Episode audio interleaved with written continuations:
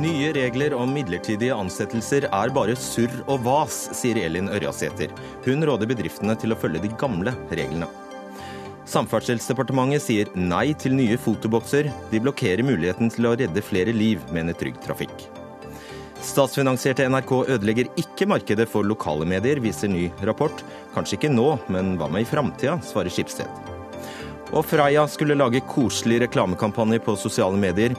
Men publikum ville forbinde melkesjokolade med ord som palmeolje, krekar, hijab og helvete.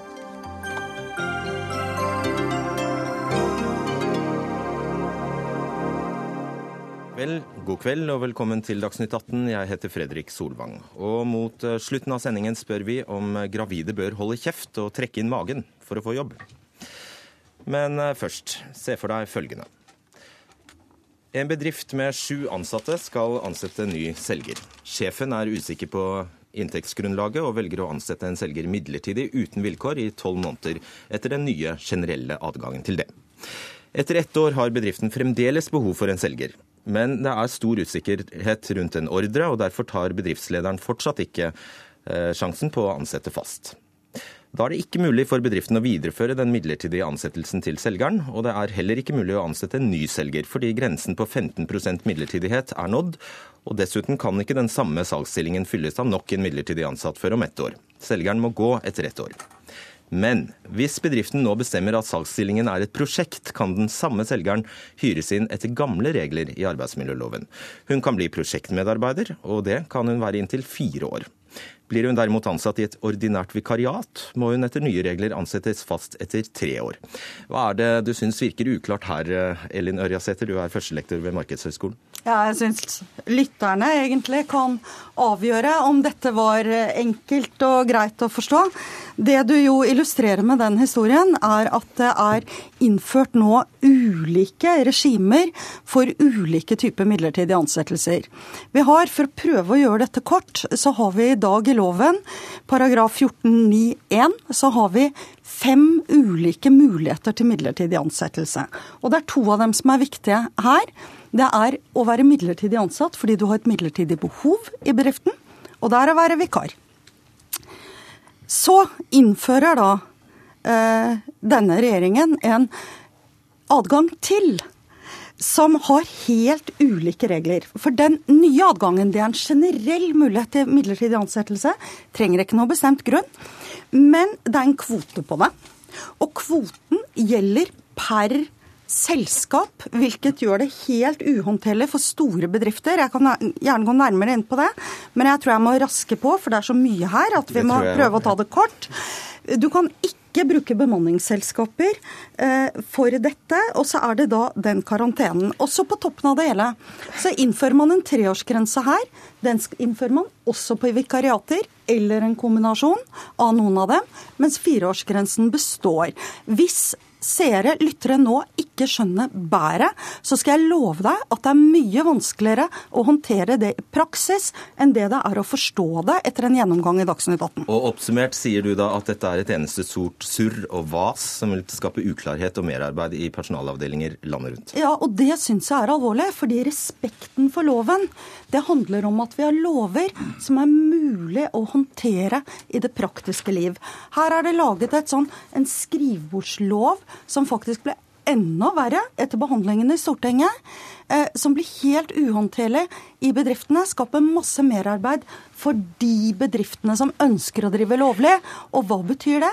Jo, at man egentlig gir en konkurransefordel til de bedriftene som blåser i hva som er lov. Og da får vi bare gratulere Arve Kambe, leder av Stortingets arbeids- og sosialkomité for Høyre, med å lage en eh, ubrukelig lov. Tvert imot. Dette er en eh, veldig god lov som bidrar til å få flere mennesker inn i arbeidslivet. Det bidrar til økt fleksibilitet for de som er i arbeidslivet. Men samtidig så er dette òg god, god, hjelp til bedrifter som i dag er i omstillingsfase. Men forhold deg til det Ørjasæter eh, sier. Altså, du har altså ikke erstattet noen bokstaver i eh, arbeidsmiljølovens paragraf 14-9. Du har bare lagt til. Ja, men det er jo hele poenget med midlertidige ansettelser. Man har lagt til bokstaven F, som i dag ikke finnes. For det er ikke en generell adgang til midlertidige ansettelser i dag. Den gir vi bedrifter muligheten til i dag. Det, så Kritikken fra Øyasæter burde jo vært gått til de rød-grønne, som både strammer inn fireårsregelen og nekter adgang til, til midlertidige ansettelser. Det som er viktig for oss, det er å sørge for at bedrifter som har et kortvarig, uoversiktlig framtidig behov, kan i framtida bruke generell adgang til midlertidige ansettelser. Dersom den selgeren som du refererer til i innledningen din, eh, egentlig skulle bli ansatt hver gang, eh, hvert år, så er det et misbruk av eh, ordningen. Og da burde han faktisk isteden vært fast ansatt. Det er hele poenget. Og det skal vi komme tilbake til. Ja, for hovedregelen er fast ansettelse. Vi bidrar til å gjøre det mer fleksibelt. Vi åpner for en generell adgang til eh, midlertidighet i tillegg. Svein Oppegård, du er direktør for arbeidslivspolitikk i NHO. Var det virkelig dette dere håpet på da dere ønsket en oppmykning altså, av arbeidsmiljøloven? Av å få gjort noe med arbeidsmiljøloven, og Det er tre viktige ting. Det ene er at vi er godt fornøyd med den ordningen som er kommet nå for å åpne for midlertidige ansettelser. Vi er, godt fornøyd, ja, vi er godt fornøyd med arbeidstidsendringene, og så er vi ikke så godt fornøyd med aldersgrensespørsmålet. Men når det gjelder de midlertidige ansettelsene, så tror jeg forvirringen mye er i Ørjasæters hode. Dette er ikke vanskelig i det hele tatt. Vi har de eksisterende reglene. Du kan ansette som vikar, du kan ansettes på prosjekt, og nå er det gitt en generell adgang til å ansette uten begrensninger eh, inntil tolv måneder. Det er smart, fornuftig, enkelt, og så er det lagt noen få begrensninger på det for å hindre misbruk. Det er også smart. Så dette er ikke vanskelig. Ja, Svar kort på at det er ditt hode som er utilstrekkelig. å Ja, jeg lurer på hvilken kontakt du egentlig har med egne medlemmer, når du kan si det der. Eh, og, og NHO opptrer selvfølgelig her taktisk. Dere pleier å være ganske pusete i offentlig debatt. Selvfølgelig fordi dere er resultatorientert, og det er fint. Men jeg vil oppfordre alle som lurer på hva dette er for noe. Les saken min i Aftenposten i dag. Det er ikke noen Er det noen feil i jussen på den saken? Er lettvint. Altfor lettvint. Les saken. På en sak som du åpenbart ikke satte deg inn i. Det er ikke komplisert. Er du en bedrift med under seks ansatte, så kan du ha én midlertidig ansatt. Har du under 13, så kan du ha to. Det er enkel matematikk å få dette til. Dette er en håndsrekning til næringslivet. Det er håndsrekning til de som står utenfor. Næringslivet har etterspurt disse virkningene. Jeg tror Ørjasæter. Du er på jakt etter en vinkling som kommentar for å få deg inn i innspurten i debatten. Yes. Og glemmer hele poenget med behovet for modernisert arbeidsmiljølov. Jeg er veldig trygg på at dette regelverket enkelt. Det er tilføyd ett ledd i disse reglene for midlertidige ansettelser, og det er den generelle adgangen som vi har etterspurt. Det er ikke vanskeligere enn det. Ja, Vi får, plikter, vi får opplyse om at det er, i teorien her er tre mot én, da. Så du får, men Knut Arild eh, Tonstad, du er spesialrådgiver i LOs samfunnspolitiske avdeling og samfunnsøkonom.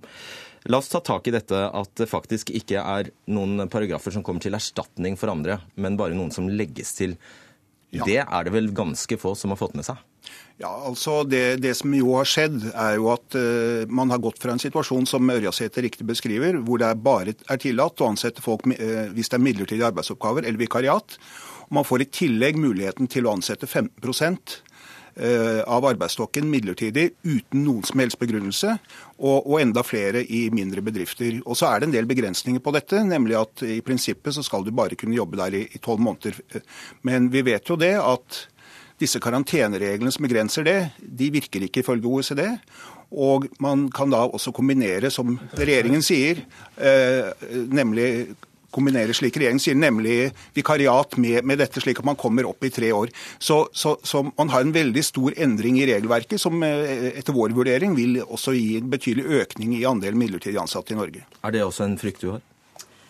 Jeg tror vel først og fremst disse reglene er så uhåndterbare at de som ønsker å drive lovlig, og særlig da de mellomstore bedriftene som ikke har store personalavdelinger, kanskje ikke engang har eh, råd til å holde seg med et NHO-medlemskap, jeg tror de vil slite med reglene og sånn sett ønske å ikke øke, fordi de ser at det er så mange feller og ting de ikke forstår der. Men faren er selvfølgelig at de som ønsker å misbruke regelverket, de har jo fått noen smutthull til. Tvert imot, ja. tvert imot, det er jo det som er hele poenget. Det Ørja, hadde Ørjasæter fått bestemt, så hadde det vært en generell adgang uten vilkår.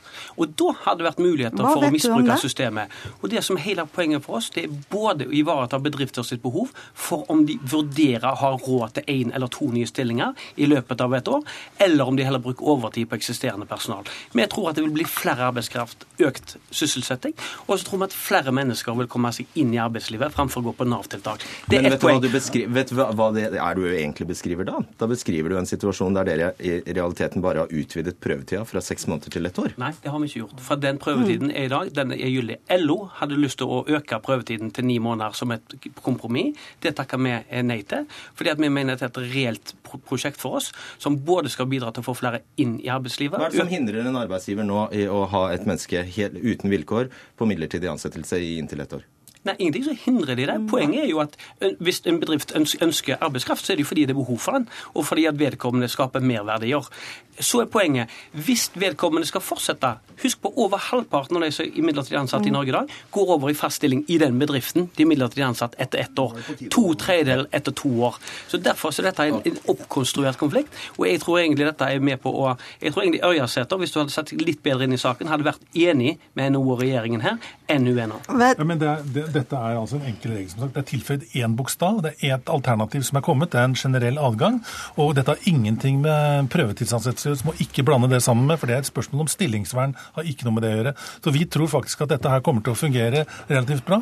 Og hvis det skulle være, vise seg at det er noen mangler ved ordningen, så er partene i Stortinget innstilt på å gjøre en evaluering av dette på et senere tidspunkt. Er du enig i det? At, Nei, jeg vil bare si det at det de nå kommer med, er ren politisk svada. Ja. Dette har vært studert av OECD, og de konkluderer med at det blir ikke flere jobber. Det blir bare flere midlertidige. Det samme konkluderer den eneste studien eh, på, på Norden med at det norske systemet, fordi at vi har det strengt system nå, så er det få midlertidige som konkurrerer om mange faste stillinger. Da er det lett for midlertidig å få fast jobb. Det er tvert imot. Ja. Ørjasæter, strengt tatt er jo ikke regjeringen du kritiserer her. Det er jo for så vidt eh, KrF som har dratt eh, politikken inn mot sentrum her. Ja, du kan si de har gjort det enda verre, men forslaget var ganske ille også når det kom fra statsråden, i forhold til at det var komplisert. Og jeg har jo sittet da, tror jeg, ti år og jobbet med arbeidsrettslige saker rundt om i bedrifter. Eh, og jeg bare syns det er gåtefullt hvordan dere kan si at dette er så enkelt. Jeg vil igjen oppfordre folk til å lese Aftenposten-artikkelen min. Du får si hva som er juridisk feil der, før du sier at den bare er tåpelig. Og så får folk gjøre seg opp en mening. Er dette enkelt å forstå? Det, er du så smart, Oppegård? Er det derfor? Nei, det, det, det er ikke spesielt smart. Men, men, den bestemmelsen som har kommet inn nå, er altså én ny bestemmelse i tillegg til det vi har hatt før. Det vi skal gjøre, vi skal selvfølgelig sørge for at medlemmene våre får god informasjon hvordan de skal håndtere dette. Så jeg tror dette kommer til å gå ganske bra. Og dette har vært en viktig sak for bedriftslivet, fordi den muligheten til å kunne utvide virksomheten, ta sjansene, det er det man har etterspurt. Jeg tror vi får flere i arbeid. Ja, det er en ny bestemmelse, men den er spekket med fire unntaks... Altså, karantene, kvote, sånne bestemmelser. Pluss at de endrer på den gamle regelen, som gjelder punkt B. Jeg er langt på vei enig med henne, og jeg vil også legge til at det vil jo eh, øke muligheten for at andelen midlertidig øker betydelig, sånn som vi har sett i Sverige. Og det gir jo mindre mulighet for lån. Eh, vanskelig med å Du får ikke tjent opp tjenestepensjon, og det blir vanskelig å etablere seg. Takk. Vi har fremma en arbeidsmiljølov som gir økt sysselsetting, som kommer til å få flere i arbeid, mer fleksibilitet for de som er i arbeid. Eh, og jeg tror, eh, sammen med partene i arbeidslivet, så kommer dette til å gå seg til. Det er rimelig oversiktlig. For småbedriftene så dette er dette kjempebra. For de større bedriftene er det også en fordel. Og ikke minst for de som går utrygge tider, enten i bedrifter som arbeidsplasser, er denne arbeidsmiljøloven i høy tid. Ja, vi får bare oppfordre alle arbeidsgivere til å kaste seg over arbeidsmiljølovens paragraf 14-9 og sjekke selv. Takk skal dere ha. Elin Ørjasæter, Arve Kambe, Svein Oppegård og eh, Knut Arild Tonstad.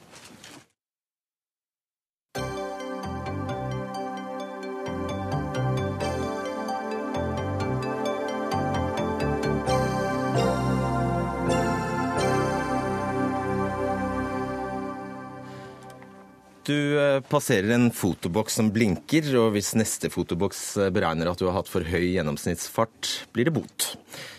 Slik automatisk kontroll har halvert antall hardt skadde og drepte på ulykkesutsatte strekninger, viser en rapport som kom fra Transportøkonomisk institutt i fjor. Men til tross for dette avslår Samferdselsdepartementet søknader om å sette opp nye fotobokser. Og dette er jo helt i tråd med regjeringsplattformen, samferdselsminister. Dette handler om trafikksikkerhet, og det er mange hundre tiltak en kan gjøre for å bedre trafikksikkerheten. Og vi vurderer å gjennomføre en rekke av disse.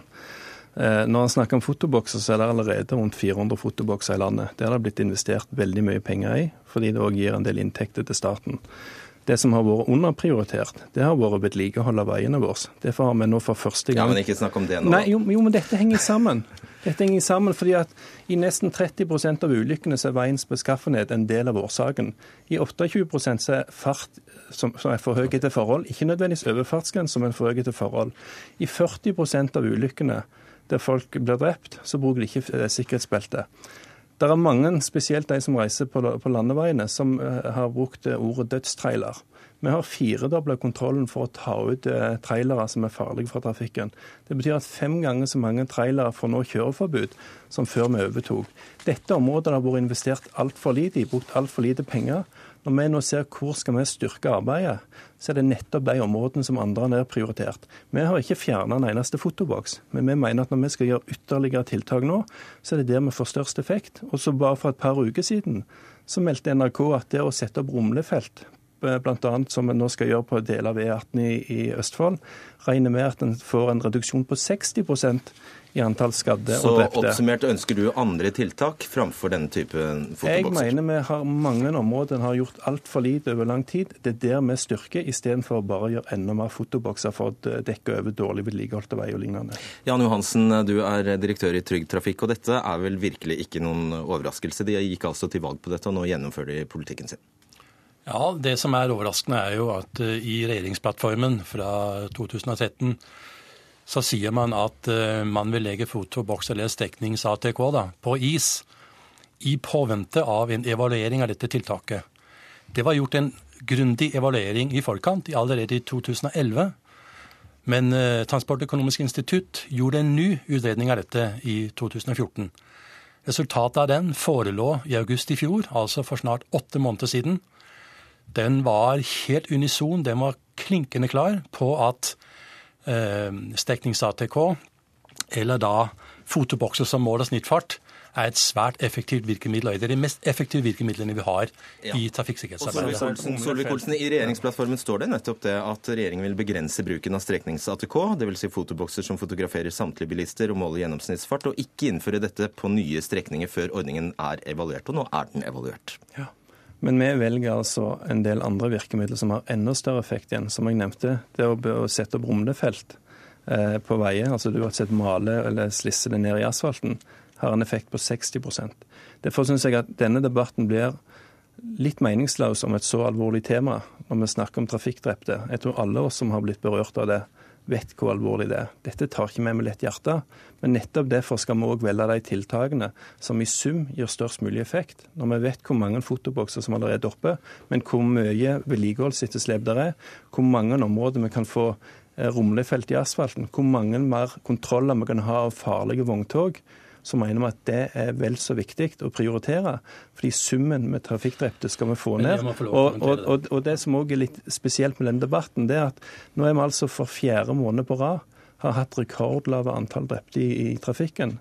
Hver, hver omkomne er en tragedie i seg sjøl. Men altså statistikken går i riktig retning. Hvis Trygg Trafikk hadde sett at statistikken gikk i feil retning, så hadde jeg forstått okay. hvorfor de blir så opphengt i ett enkelt virkemiddel. Du må ikke snakke så lenge. Du hadde en replikk. Ja, jeg har en replikk. fordi som jeg sa, steknings-ATK er de mest effektive virkemidlene vi har. Det redder liv hver dag. Det er en uh, Men så er det også andre tiltak som, som oh, ja, som kan redde liv. Men vi er helt enige. Vi, vi, er ikke, vi er ikke uenige på det punktet. Men nå er det steknings-ATK. Årsaken, Nei, til at vi drøfter dette, årsaken til at vi drøfter dette, det er at nå har samferdselsministeren uten grunn i forrige uke avslått steknings-ATK i to tunneler i Møre og Romsdal Det er en strekning ute i Akershus, fv. 170, hvor fylkeskommunen og politiet og Statens vegvesen sier vi vil ha streknings-ATK. Det kommer også ministeren til å avslå. Det syns vi er helt ufattelig. Du skal få svare på det, men jeg vil først eh, trekke inn Inger Elisabeth Sagedal, eh, kommunikasjonssjef i NAF. Dere støtter altså Solvik-Olsen. Hvorfor det? Jo, vi er glad for at Samferdselsdepartementet nå er restriktive til å innføre mer av dette med kameraovervåking, som innebærer at du tar bilder av en bilist som er lovlydig i utgangspunktet. Mm. Men først og fremst så ønsker vi jo at samferdselsministeren skal ta en telefon til justisministeren og satse på mye mer politi. Trafikkpoliti er det aller mest effektive tiltaket. Både sivilt politi og synlig politi. De er mye mer fleksible. Som skal stå på enhver øde strekning i Norge? Nei, for all del, men det er uforutsigbart. Det er klart at de som er virkelig fartssyndere, det som er de kriminelle på veiene, som er livsfarlige for deg og meg, de vet jo hvor det er kameraovervåking. Og det er uforutsigbart med politi. De, kan, de er fleksible, og et kamera kan ikke ta promillekontroll. Kan heller ikke sjekke førerkort eller lys. Så sats på mer synlig politi. Det er skikkelig effektivt Det er farlig å satse på IKT og ITS-systemer som en sovepute, som innebærer et eh, personvernansvar. Solvik-Olsen, du har jo, det stemmer det, du har altså avslått, eh, avslått en femsiders søknad her fra Statens vegvesen med to setninger om eh, streknings-ATK? Ja. Eh, når svaret er nei, så trenger en ikke å skrive mange sider tilbake. Det handler om å måtte være kort og konsis i svaret. Men det som, den, det som, denne debatten her fullstendig utelater, det, det, er nettopp det NAF her tar opp. Altså, Antall personer som kjører i rus, kommer ikke til å kjøre annerledes fordi om det er en fotoboks.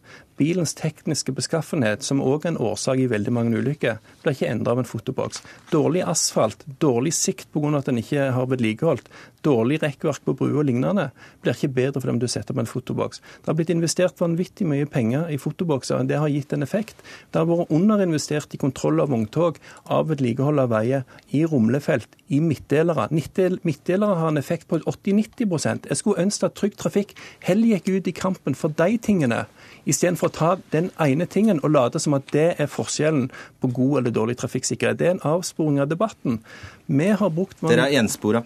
Nei, det, det, det, blir feil å si. Vi, vi støtter jo Solvik-Olsen i alle hans initiativer. Det har vi gjort også offentlig. Vi er enige med NAF om at vi må ha flere politikontroller. Det er verdt å nevne i denne sammenhengen at utviklingspolitiets stående styrke er eksakt den samme i dag som den var for 20 år siden.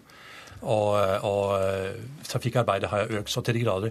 Men stats, eller, eh, samferdselsministeren har et problem nå. Fordi Akershus fylke de har bestemt at de skal ha eh, ATK, streknings-ATK ute på en vei i Akershus.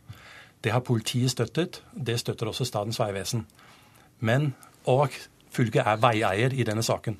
Men statsråden kommer altså til å avslå det.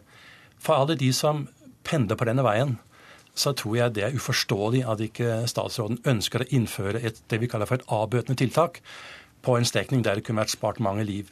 Vi, det burde vært satt opp midtrekkverk på denne strekningen. Det koster en halv milliard kroner. Det er ingen som har penger til det. Derfor, derfor så kan man altså nå etablere et avbøtende tiltak som får ned farten, slik at når ulykkene skjer, så er det ikke dødbringende. Det er det som er vårt Du får svare på det. Ja, for det, for det første, altså, Rumlefelt koster mye mindre penger. Eh, det som du hevder her vil spare masse menneskeliv, ja, det gjør ingenting når folk er, er rusa, når bilen er i dårlig stand. Og Det, det handler om når du har begrenset med penger. Det koster penger å sette fotoboks òg. Som jeg har sagt, at det er mye viktigere for oss å få litt flere kontrollører til å ta ut de farlige vogntogene som kjører rundt over hele landet, ikke bare på én og én strekning. Dette handler om folks atferd i trafikken. Folk må ta ansvar. Vi har et ansvar i å sørge for at veiene er bedre. Det har vært mange artikler i avisen i det siste om hvordan dårlig vedlikeholdte veier vi bidrar til at ulykker som skjer, blir mer alvorlige enn det de skulle. Dette, det er de områdene som har vært nedprioritert i mange år, som vi nå løfter opp.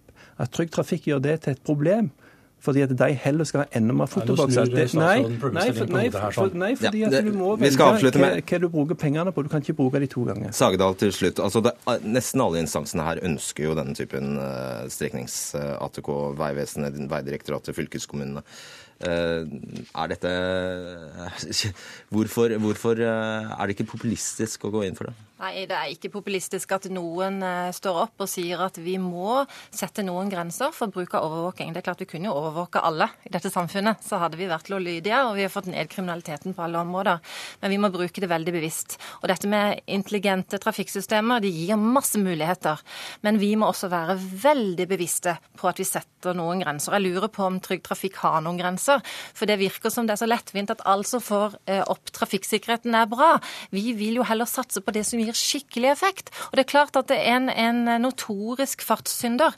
Han kan politiet stoppe der og da og få ut av veien. Et kamera kan ikke stoppe han, kan fange han opp etter noen dager.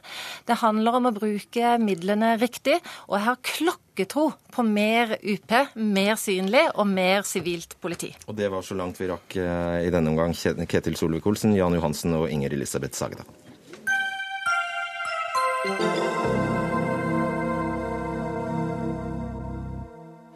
I dag bestemte Venstre å gjøre som KrF og ikke stemme for SVs forslag om mistillit mot justisminister Anders Anundsen for hans behandling av asylbarnsaken, som startet med en avsløring i Bergens Tidende, og som avisen fikk Scoop-diplom for i helgen.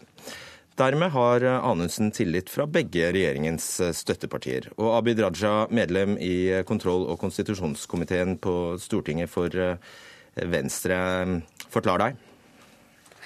Ja, saken er jo veldig alvorlig, og vi har fulgt saken tett. Eh, både gjennom eh, redegjørelser i Stortinget og ikke minst høring. Det å konstatere og, og slutte eh, at en statsråd, en politiker, har brutt Grunnloven, det, en, det ligger et stort, og, et stort alvor bak. Og Hvis man først skal tilklebe en statsråd en slik eh, merkelapp, at man har brutt Grunnloven, så må man være veldig sikker i sin sak før man kommer til eh, dette. Eh, vi har eh, diskutert denne saken helt siden høringen sluttet i vårt gruppemøte, og det har vært mange argumenter i, i begge retninger.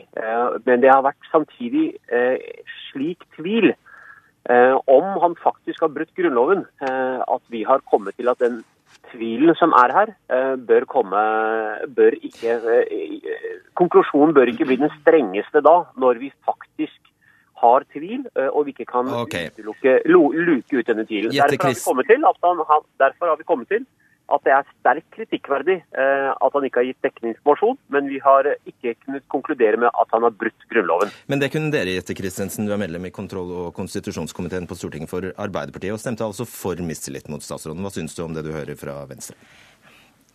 Jeg etterlyser litt sterkere begrunnelse. Eh, fordi at eh, paragraf 82, som Abid Raja eh, refererer til, ble skrevet inn i Grunnloven i 2007. Den hadde to punkter. Med det andre punktet så drøftes opplysningsplikten som at statsråden plikter å opplyse Stortinget fullendt. En plikter å snakke sant i Stortinget. Og nå har vi så i samme høring. Vi har fulgt samme sak. Vi har sett samme statsråd gi feil opplysninger til Stortinget to ganger. Med sitt samme statsråd eh, som ikke har ønska å eh, opplyse Stortinget fullendt. Med sitt samme statsråd stå i Stortinget og si noe som han ikke har beklaga i etterkant, men som viser seg å være feil. Det er utvilsomt brudd på paragraf 82. Så jeg har lyst til å høre Abid Raja fortelle hva er det som gjør at de mener at han ikke har brutt opplysningsplikten? Ja, Raja, svar. Ja, jeg konstaterer at vi har eh, litt grann eh, ulik eh, syn på dette. Nå er det slik at det at vi kommer til at det er sterkt kritikkverdig at statsråd Anundsen ikke har gitt dekkende informasjon til Stortinget og ikke sørget for at varslede politikkendringen ble fulgt, så er det meget alvorlig kritikk. Det er faktisk det er den sterkeste kritikken man kan komme med uten å konstatere at det er brudd på Grunnloven. Og Det er en saklig uenighet. Vi har en samlet helhetsvurdering kommet til at vi kan ikke se eh, forbi den tvilen som gjør at eh, vi ikke kan konstatere at han har brutt Grunnloven. Den 6. januar Raja, så sa du at eh, du ikke kunne finne spor av en politikkendring for de lengeværende barna i dokumentene Anundsen hadde oversendt komiteen, til tross for at Anundsen fra Stortingets talerstol altså hadde forsikret KrF og Venstre om at han hadde lagt om kursen. Dersom det medfører riktighet, kan han få store problemer, sa du. Så store problemer betød altså kritikk? Ja, men altså, jeg tror det, det som er, denne saken er litt kompleks, og folk kan fort blande alle kortene sammen. Det ene er om man har brutt Grunnlovens paragraf 82 eller ikke. Det er ett spor. Om man har brutt samarbeidsavtalen med Venstre og KrF, det er en helt annet spor. Og Der er jeg nesten ikke i noe tvil om at uh, der er det en ting som han må rydde opp i. Og Det har vi også sagt i dag ganske klart og tydelig. At jeg tror at denne klare politikkendringen som ikke har skjedd, mest sannsynlig kan ha rammet enkeltindivider. Og da er det kun én ting å forvente av uh, en uh, stat og det er at man gjenoppretter de feilene som eventuelt kan ha rammet enkeltindividene. Derfor har KrF og også Venstre sagt at vi forventer at statsråden gjør en gjennomgang av de sakene for å se om det har rammet enkeltindivider riktig, uriktig. Og dersom så har skjedd, så forventer vi at de feilene blir gjenopprettet. Tror du Venstre og KrF får gjennomslag for det kravet, Jette Christensen? Jeg fikk ikke klarhet i for første spørsmål. Jeg, Abid Raja, Anders Anundsen sa at politiet hadde skjønt den politikkendringen som han ikke evna å kommunisere til dem. Det holdt han fast ved helt fram til slutten av høringen. Allikevel så mener eh, Venstre at han ikke har brutt opplysningsplikten. Han sa noe i Stortinget som var galt. Han så, eh, fremførte det i offentligheten, og han holdt fast på det helt inn i høring. Det må jo være brudd på opplysningsplikten. Altså, Jeg forstår veldig godt at Arbeiderpartiet har en eh, strategisk preferanse Nei, av å ramme regjeringen på den måten. Men jeg har sagt og forklart nå veldig grundig at vi har etter, etter en samlet helhetsvurdering så kan ikke vi se at han har brutt Grunnloven på den klare måten at vi dermed sier at det er brudd på det. Den tvilen har vi ikke kunnet se bort ifra, og det mener jeg er en saklig argument. Hvis du først skal klandre en statsråd for å ha brutt Grunnloven, så bør du være 100% sikker i din sak. Og jeg er litt i tvil om Arbeiderpartiet faktisk er så sikre som de tilsynelatende gir inntrykk av. Raja, din partileder skal ha sagt at vi har ikke så mye tillit til Anundsen. Det er vel ikke slik at man kan ha litt tillit? Ja, men Det er så bra at du stiller det spørsmålet, for da er du inne på et veldig, eh, veldig viktig ting. Det ene er brudd på Grunnloven. Da har jeg ryddet den unna veien. Når det gjelder tillit til Anundsen, det kan være et separat spor. Det ene er om du har brutt Grunnloven og må gå fordi du har brutt opplysningsplikten. Der har vi konstatert nei. Om du har tillit til statsråden, det er et helt annet spørsmål. Og den har jeg sagt tidligere er tynnslitt, og den har ikke blitt noe særlig forsterket. Det har den ikke blitt. Ok, Kristensen, hva gjør dere nå? Justisministeren sitter trygt. Altså, vi har ikke tillit til justisminister Anders Anundsen. Fordi at han har feilinformert Stortinget. Han har eh, ikke opplyst Stortinget godt nok. Han har skyldt på embetsverket. Han har hatt problemer med å gi eh, kontrollkomiteen fullgod informasjon. Og da er det sånn at regjeringen er Stortingets tillitsvalgte. Da er vi nødt for å ha tillit til at de gjør den jobben de sier til Stortinget at de har gjort. Den tilliten har jeg ikke med Anders Anundsen. Så er det sånn Abid Raja, at når man har et mistillitsforslag på bordet, og velger å ikke gå for det, så sier man at man har konstitusjonell tillit til statsråden. Det finnes ikke grader av tillit. Eh, og det registrerer jeg at Venstre har, uten å kunne forklare at, eh, hvorfor han ikke har brutt Grunnloven, selv om absolutt alle kortene ligger på bordet og opplysningsplikten er brutt. Og vi får eh, registrere at dere rett og slett er veldig uenige. Takk til Jette Christensen og eh, Abid Raja.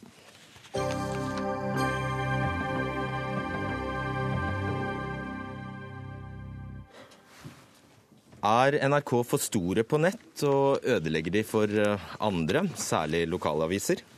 Nei, svarer forskerne ved Samfunns- og næringslivsforskning, som har undersøkt dette på oppdrag fra Kulturdepartementet. Resultatene ble lagt fram på et møte med kulturministeren i dag i forkant av en ny stortingsmelding som skal eh, definere NRKs mandat. Jeg starter med Didrik Munch, konsernsjef i eh, Skipsted Norge, som bl.a. eier VG og Aftenposten. Eh, dere har altså tidligere vært kritiske til at NRK kan bruke sin økonomiske styrke til å bygge opp gratistjenester på nett, og du skrev i et høringsbrev at dette kan utkonkurrere lokale og regionale mediehus som må få lesere og annonsører til å betale for sin digitale satsing. Men eh, rapportforfatterne mener altså det er liten grunn til å tro på det. Dere tok feil. Ja, jeg konstaterer jo at eh, rapporten sier at eh, det er ikke noe risiko. og Det beste var jo hvis det var tilfellet. Det jeg nok er uh, skuffet over i rapporten, er at de tar et, et, et, ståsted som er veldig fokusert på det som har vært og det som er i dag, og tar lite inn over seg den endringen som bransjen er midt oppi nå, og som vil gjøre det mye mer krevende i den tiden vi står overfor. Tidligere har det vært enkelt å finansiere kvalitetsjournalistikken med annonsekroner, spesielt i papir. Nå møter vi konkurranse fra internasjonale aktører. Facebook, Google, andre eh, tar annonsekroner i, i stort omfang. Og vi i de tradisjonelle mediehusene blir nødt for å få mer av vår finansiering av brukerbetaling også når vi er i den digitale hverdag. Og det er klart at Da er det en utfordring når NRK kan bruke alle sine ressurser på å lage gratistjenester, så til forveksling kan være lik de kommersielle tjenestene. Tor Gjermund Eriksen, kringkastingssjef her i NRK. Ser du at NRKs lisensfinansierte og gratis nettilbud kan gjøre det vanskeligere for andre medier å kreve betaling for sitt innhold? Men det, det, som er veldig viktig i den rapporten, er at den tar utgangspunkt i følgende spørsmål. Hvordan skal man sikre publikum et medie, best mulig mediemangfold?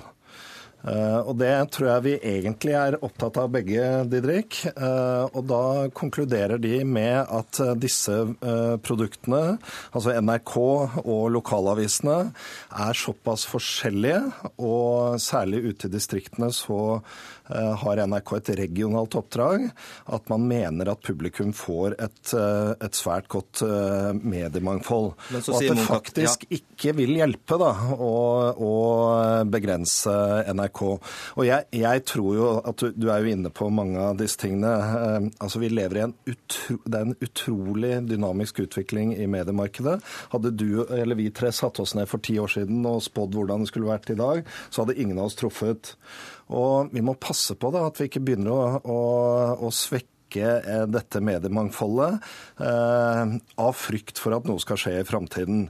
NRK er veldig opptatt av mediemangfold, at vi skal bidra til det. Så vi skal jobbe sammen med disse andre uh, medieselskapene. Men bare svar kort på det han sier om at uh, denne rapporten beskriver nå situasjonen, at uh, det ikke nødvendigvis vil være slik i framtida. Men der må jeg, med respekt å melde, så har jeg hørt MBL og Didrik Munch og andre snakket om veldig lenge at NRK var et problem, eller er et problem. Og så har vi fått noen rapporter og noen synspunkter som sier at nei, det er kanskje ikke sånn. Og da begynner man å snakke om framtida man kan bli det.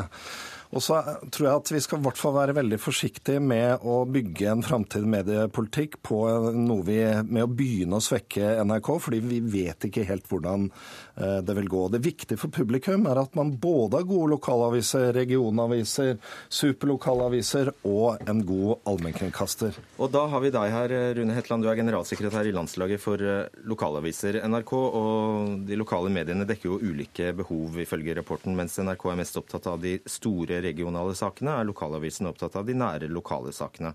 Og Derfor truer ikke NRK lokalavisenes markeder. Er du enig i det? Langt på vei så er det en, en rett analyse. Men uh, så er dette landet vårt så forskjellig fra Lindesnes i sør til, til Nordkapp. Det er forskjeller. Sogn og Fjordane har vært nevnt som et område der eh, NRK er mer lokal. Det er ikke storbyer i Sogn og Fjordane. Sånn at der oppfatter lokalavisene sjøl at NRK er en reell konkurrent. Iallfall så ser vi at lokalavisen i Sogn og Fjordane er blant de siste som våger å ta betalt på, på digitalt fordi at de opplever NRK som såpass sterke. Men nå vet vi òg at eh, der har det vært god dialog mellom lokalavisen og NRK, sånn at eh, problemstillinga er ikke så store som, eh, og støyen så høy som den var tidligere. Men jeg tror det er viktig at NRK innser og godtar at det er litt uro rundt om eh, eh, i lokalavisene for eh, sterke NRK sin rolle. Men, men det, dette handler jo ikke bare om NRK. Dette handler om så mye mer. Det handler om hvordan vi skal finansiere journalistikken, hvordan vi skal finansiere god journalistikk, og at det er de som skaper den gode journalistikken, og får inntekten fra journalistikken. De får trafikken. For i dag så opplever vi at det er mange andre aktører som stikker av med gevinsten og, og trafikken, og dermed òg annonseinntektene på det som lokalavisene skaper. Og det er et generelt stort problem, som er samfunnsproblem. Munch, det høres jo ikke akkurat veldig offensivt ut å skulle vokse på premisset at, eh, at du radbrekker NRK? Vi er overhodet ikke opptatt av å radbrekke NRK. For det første er jeg glad for at Tor Gjermund sier at eh, de eh, er selvfølgelig sitt ansvar bevisst, ønsker å sørge for at vi fortsatt skal ha et mediemangfold som vi har hatt. Vi ønsker et sterkt NRK. Vi ønsker et NRK som er på alle de digitale plattformene. Vi ønsker at NRK skal være eh, for brukerne og for leserne og for lytterne på en god måte. Og vi ønsker at de skal utvikle seg videre. Men, men kan, kan, Vær konkret, da, for det er litt vanskelig men, å begripe ja, men, hva NRK skal være hvis ikke NRK får lov til å være det det er i dag. NRK må være seg det ansvar bevisst. og skjønne at det er en utfordring når vi som driver kommersiell medievirksomhet, som må finansiere kvalitetsjournalistikk som koster penger, må gjøre det i større grad når vi går inn i den nye tid, med brukerbetaling. Da må NRK forstå at når de kan bruke stat, staten sine midler eller lisensfinansierte penger eh, på å drive den journalistikken gratis, eller levere den til, til, brukerne gratis, så må de forstå at det kan være en utfordring for oss fremover. Og jeg mener ikke noe annet enn det Tor Gjermund mente når han var i A-media for et par år siden. Da mente han nøyaktig det samme som jeg mener nå. Jeg skjønner godt at han har et annet ståsted, men sånn er det nå. Men jeg skjønner ikke helt hva, hva du mener. Kan du forstå hva han jeg, jeg sier? Jeg mener omtrent det samme nå som den gangen. Eh, bare eh, statlige midler, ja. Eh, men det er publikum som finansierer NRK. Eh, og heldigvis er det sånn at vi har NRK nyter veldig stor tillit. Eh, veldig stor del av lisensbetalerne, 73% mener de får god eller svært god valuta for lisensen. Altså Tilliten til NRK må vi bygge videre på. Og så opplever heller ikke jeg at Didrik Munch tar til orde for å radbrekke NRK. Men eh, jeg tror nok at, de, at du, du, går ganske langt i retning av å antyde at en begrensning av NRKs f.eks. nyhetsoppdrag vil gjøre det lettere for dere å tjene eh, penger. Jeg tror ikke det er sånn, og jeg håper at eh, de kommersielle mediene skal tjene penger. Det er ikke noe galt i det.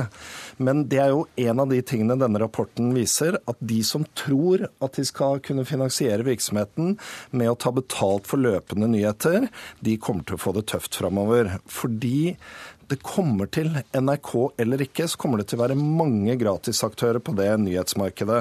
Og da er det faktisk viktig at vi har et, eh, på en måte både et regionalt og nasjonalt ståsted, og at vi kan utføre vårt nyhetsoppdrag der publikum er. Det, det eneste jeg er opptatt er NRK må være sitt ansvar bevisst, den spesielle rollen de har, den spesielle finansieringsformen de har, sånn at ikke de gjør det mer krevende og gjør det vanskeligere, slik at det blir et mindre mangfold. Både Tor Gjermund Eriksen og, og, og undertegnede ønsker selvfølgelig et størst mulig mangfold. Vi ønsker norsk språk, vi ønsker utvikling norsk kultur, vi ønsker at det skal være eh, den samfunnsbyggeren det, det, har vært, men de må være seg det ansvar bevisst, og det er det vi er mest opptatt av. Og det må Tor Gjermund Eriksen skjønne, og ikke bagatellisere komplisere det. Lage litt mindre eller litt dårligere nyheter, da? Nei, eh, lage bedre nyheter, men sørge for at det gjøres på de premissene det. Bruke lyd og bilder, og sørge for at vi ikke konkurrerer head on. Ok, eh, Hetland, du sier at NRK ikke må ødelegge for eh, lokalavisene, og samtidig for seg selv.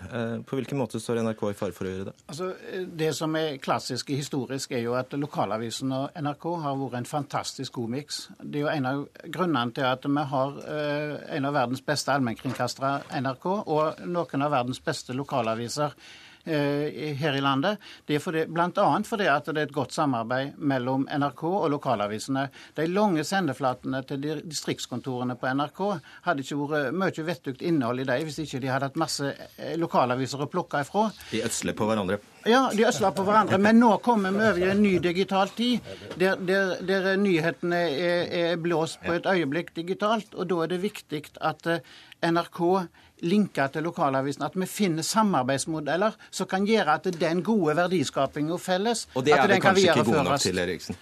Nei, Det kan vi alltid bli bedre til. Eh, men jeg syns vi må minne om et par ting. Vi er i eh, Didrik Munch sa, sa det selv, at vi har en helt annen global konkurranse. Eh, Google, eh, Facebook er de som har, eh, og Finn i og for seg, har tatt veldig mye av annonseinntektene fra avisene. Det er det ikke NRK som har bidratt til. Og så må vi huske også at vi er et bitte lite land, bitte liten kultur. Vi har et av de beste medietilbudene i verden, der en allmennkringkaster og kommersielle medier lever ganske godt side om side. Det er litt uhøflig å gi deg siste ordet, men det må bli sånn. Takk skal dere ha, Didrik Munch, Rune Hetland og Tor Gjermund Eriksen.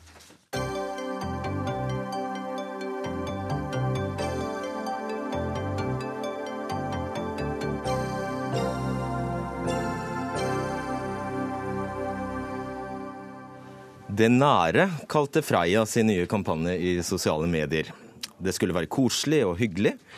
Men eh, da Freia ba forbrukerne dele sine øyeblikk med selskapets melkesjokolade i sosiale medier, da gikk det ikke helt som planlagt.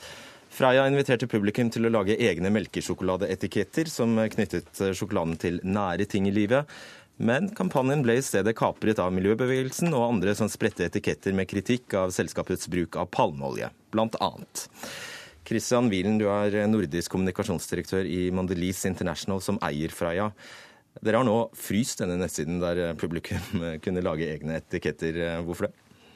Nei, først av alt så er det veldig viktig å presisere at Freia Mondelis vi har samme mål som miljøbevegelsen og alle andre, Det handler om å bevare regnskogen. Og jeg tror at måten vi jobber med problemstillinger på, sammen med WWF og sammen med andre store organisasjoner globalt, er den rette måten å gjøre dette på. Så la oss bare ha det avklart som et, som et faktum. Eh, vi er veldig opptatt av å snakke med forbrukeren der forbrukeren er. Eh, derfor har vi satt opp et nettmøte i morgen for å kunne svare på spørsmål om palmeolje. Eh, kampanjeplattformen sånn som den lå, den tillot ikke å svare direkte på mange av de gode, konstruktive spørsmålene og utfordringene som kom. Eh, så Derfor har vi tatt valget å pause kampanjen, eh, og så snakke med folk i morgen. Det var kanskje best, Kristian Steen, du er byråleder i Freias reklameselskap SMFB. Var dette din idé? Eh, nei, det var ikke min idé, men det var i fellesskap med Freia så har vi alltid hatt en ambisjon om å engasjere forbrukere. I eh, fem-seks år så har vi engasjert forbrukere med, med, stor suksess. Jeg tror I fjor så engasjerte vi over 1,5 million nordmenn som, eh, som hadde eh, mye spennende og moro. Så det ligger i Freias natur å, å, være til stede der folk er, eh, og lytte til folk og, og gi litt glede tilbake. Hvordan syns du denne kampanjen har gått? Nei, Dette er en kampanje som startet allerede på høsten i fjor. Eh, så den gikk lenge og vel eh, veldig bra. Eh, så er det noen eksterne faktorer som trigger en respons hos noen som er veldig aktive. Og det gjør at vi må da ta noen grep for å få den diskusjonen og den Eh, responsen under eh, kontroll. Jeg skal bare forklare lytterne og seerne hva det er som uh, har skjedd. Altså, dere har altså vært nødt til å gripe inn fordi det, var visse ord dere ikke ville skulle forbindes med melkesjokolade. F.eks. var det palmeolje, muslim, krekar, hijab upassende. Helvete også. Mens kjønnsorgan og drap var greit. Stemmer det sånn cirka? Jeg tror bare Det er viktig å se at det er ikke ordene i seg selv her. Eh, ordene er brukt i en kontekst som i veldig mange tilfeller har hengt ut spesifikke grupper på måter som jeg ikke har lyst til å si høyt på radio, og på måter som ikke noen av oss her i dette rommet vil være oss bekjent av. Så det er konteksten veldig mange av disse ordene er satt i, som ikke var ålreit, og det tror jeg alle i rommet her er helt enige om. Ikke veldig stilig å bli forbundet med melkesjokolade, i hvert fall. På ingen måte. Men det er jo egentlig ren og skjær folkeskikk som vi må innimellom uh, tilrettelegge for, på nettet spesielt. Hans Petter Nygaard Hansen, du er kommunikasjonsrådgiver og sosiale medier-blogger. Og du sier dette har gitt fra en kraftig omdømmesmell. Uh, hva gjorde de feil? Uh, ja, det er vel kanskje lettere å peke på hva de gjorde feil, enn kanskje hva de gjorde riktig. Uh, jeg, hvis du tenker deg en brann som et metafor her, så, så, har det virkelig satt fyr i sosiale medier. Og, og mye av, mye av brannen kan de på mange måter skylde seg selv, fordi altså, de, de, snakker her Nå har jeg blitt plassert i, i, imellom her, og det føles kanskje litt ubehagelig ut, og det har de sikkert planlagt på forhånd. Men mye av brannen har de egentlig vært med på å tenne på selv, uh, i forhold til den fraværende uh, Jeg vil jo si de har vært særdeles fraværende, og i den grad de har vært til stede og kommunisert, så, så har nok kanskje det også kommet litt uheldig ut. Det har vært eh, nedlatende kommentarer knytta til eh, Sofie Elises eh, bloggpost, som, som er ja, nå, ganske mange dager gammel, men som fikk nytt liv og nytt lys uh, når Dagbladet la den ut her den 19. Men hva er det som har, faktisk har, skjedd her? Har, har, kampanjen blitt kuppet? Uh, ja, den har jo blitt hijacket i aller høyeste grad av uh, veldig mange mennesker. Man snakker om at det er noen få som har liksom, blitt med på det her, men det er fryktelig mange. Jeg tok og kjørte ut en rapport her rett før jeg satte meg i bilen og kjørte ned i studio. Da, den rapporten er på 95 sider, bare på Twitter. Den har liksom, det nære på Twitter har nådd i løpet av en firedagersperiode Eh, ca. 3 millioner eh, eksponeringer eh, og bortimot 1 million Twitter-konti uten at verken SMFB eller Freia har involvert eller engasjert seg. Eh, Nygaard Hansen, angrer du på dette? Ja, vær så god. Nygaard Hansen. Ja, Kristian Nei, unnskyld. Kristian Steen, angrer på dette? Nei, men eh, jeg tror ikke det er helt riktig det eh, Hans Petter sier. Én eh, ting er Twitter, kanskje, eh, som har eh, vært en kanal vi ikke har valgt å prioritere av flere årsaker. Men hvis du går inn på f.eks. Facebook-tiden til eh, Freia, så har vi gjennom hele tiden, altså fra flere år tilbake, vært tilstedeværende kontinuerlig og diskutert disse tingene. Og den såkalte brannen som Hans Petter snakker om, den tror jeg egentlig starter litt med å definere det som en krise. Eh, og da må man se litt fram på helheten og måten vi har agert i forhold til det. Hva mener du med det? Jo, fordi vi er valgt å flytte dialogen rundt akkurat denne situasjonen til der vi kan ha en fornuftig diskusjon med folk på Facebook eller i morgen på nettmøte. Og det gikk egentlig 12, litt over tolv timer eh, i løpet av en natt fra vi hadde denne situasjonen som eskalerte, til vi nå sitter her i dag og tilrettelegger for en diskusjon på dette. er sånn. Og eh, jeg kjenner meg ikke helt igjen i det han, eh, Hans Petter sier. Kort til det. Ja, altså... SMFB og Freia de, de, snakker om kommunikasjon her, men de snakker om kommunikasjon på egne premisser i sine utvalgte kanaler. Mesteparten av kritikken og mesteparten av den dialogen som har vært rundt hele det nære, har ikke skjedd inne på Freia sin Facebook-side. Den har skjedd utenfor, i den øvre sosiale sfæren. Og det, altså, ja, det, det, er faktisk ganske viktig å presisere. for er, altså, Man kan gjerne innbille og tro og håpe at man kan ta eierskap over det ordskiftet, men det er så himla distribuert. Kristian Willen, hva har dere lært? Jeg tror man skal lære ting hele tiden, jeg. Eh, men, men, det er litt interessant ja, Hva har dere lært? Nei, vi, Hva har vi lært? Eh, at transparens og åpenhet er viktig. Eh, og det er prinsippet vi får effekt og holdt med hele tiden. For det slår meg at Hans Petter han må ha vært på Twitter hele helgen, ikke vært på Facebook, på radio eller TV eller fulgt med andre steder. Fordi at vi har vært på Facebook og svart non stop, som vi har gjort og som vi alltid gjør. Det er der et av de viktigste stedene vi møter våre forbrukere, som vi er veldig glad i og har veldig stor respekt for. Vi stiller alltid opp for media og svarer jeg henviste til en kommentar i Dagbladet som var misplassert, som er en annen diskusjon om hvordan man bruker sitater. Mm. Men, men, og vi svarer gjennom kundeservice, vi svarer personlig med mail, svarer personlig på telefonsamtaler. Vi er til stede stort sett overalt. Twitter er en ganske interessant faglig diskusjon. Skal vi være til stede, ikke være til stede? Det er selvfølgelig et element vi vil ta med oss videre og diskutere.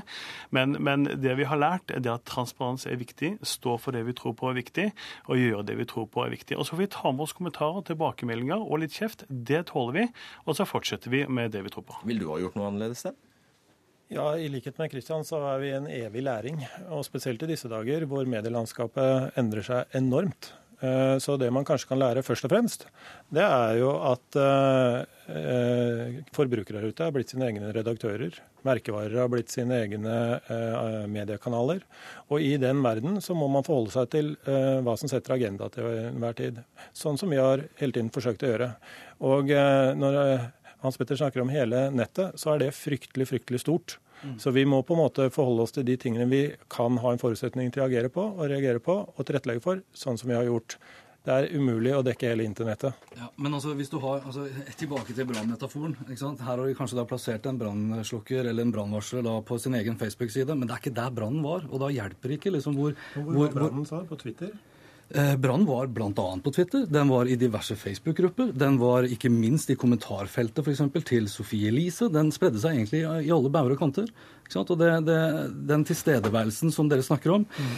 den var ikke så veldig mange som opplevde. Altså, I den grad vi opplevde det, så opplevde vi at dere, altså dere som Freia outsourca rett og slett da kommunikasjonen til SMFB og lot de eh, delta da på VGTV, hvor du da i tillegg først har kritisert og sensurert, og så kaller du de som kritiserer deg for nettroll? Jeg må si takk. Takk til dere. Kristian Willen, Kristian Steen og Hans Petter Nygaard Hansen. Takk.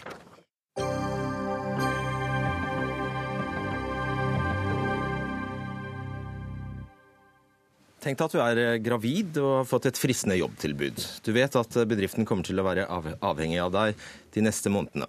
Du vet også at eh, du om ikke så lenge kommer til å forsvinne ut i fødselspermisjon. Hva gjør du? Skal du fortelle at du er gravid og kanskje risikere å miste jobbtilbudet? Nei. Hold kjeft og trekk inn magen, er rådet fra Likestillings- og diskrimineringsombudet. Og dette, Eva Grinde, du er kommentator i Dagens Næringsliv. Reagerte du på? Ja, det gjorde jeg. Og jeg tenkte, først tenkte mener hun virkelig dette her? Eh, har Likestillingsombudet vært eh, forståelig nok veldig eh, oppgitt og skrevet den litt sånn kanskje uten å tenke gjennom eh, konsekvensene av, av, det argumentet. For jeg syns det er et litt dårlig råd å, å, å, be jobbsøkere å skjule realiteter som kan ha praktiske følger for eh, jobben. Hvorfor er det et dårlig råd? Jeg tenker at uh, Det er jo ikke noe tvil om at det ikke er lov å spørre En arbeidsgiver har ikke lov å spørre uh, om man er gravid eller om man planlegger å få barn. Og det er en veldig god grunn til. Fordi vi vil ha arbeidstagere som kan ha familie. Og vi vil ha både kvinner og menn som planlegger å få barn, og at de også skal få jobb. Så det er det, det, er det ikke noe tvil om. Samtidig så, så, kan man se på et jobbforhold som både en juridisk kontrakt og en psykologisk kontrakt. Og hvis du sitter i, i et, et, av de siste jobbintervjuene du er på, så sitter du gjerne og diskuterer hva jobben skal gå ut på. Eh, kanskje man snakker om en kampanje som skal i gang til høsten, og man, man, sitter og snakker som om man skal begynne å jobbe der. Og så vet man egentlig at om fire måneder så skal jeg ut i en, en seks måneders permisjon.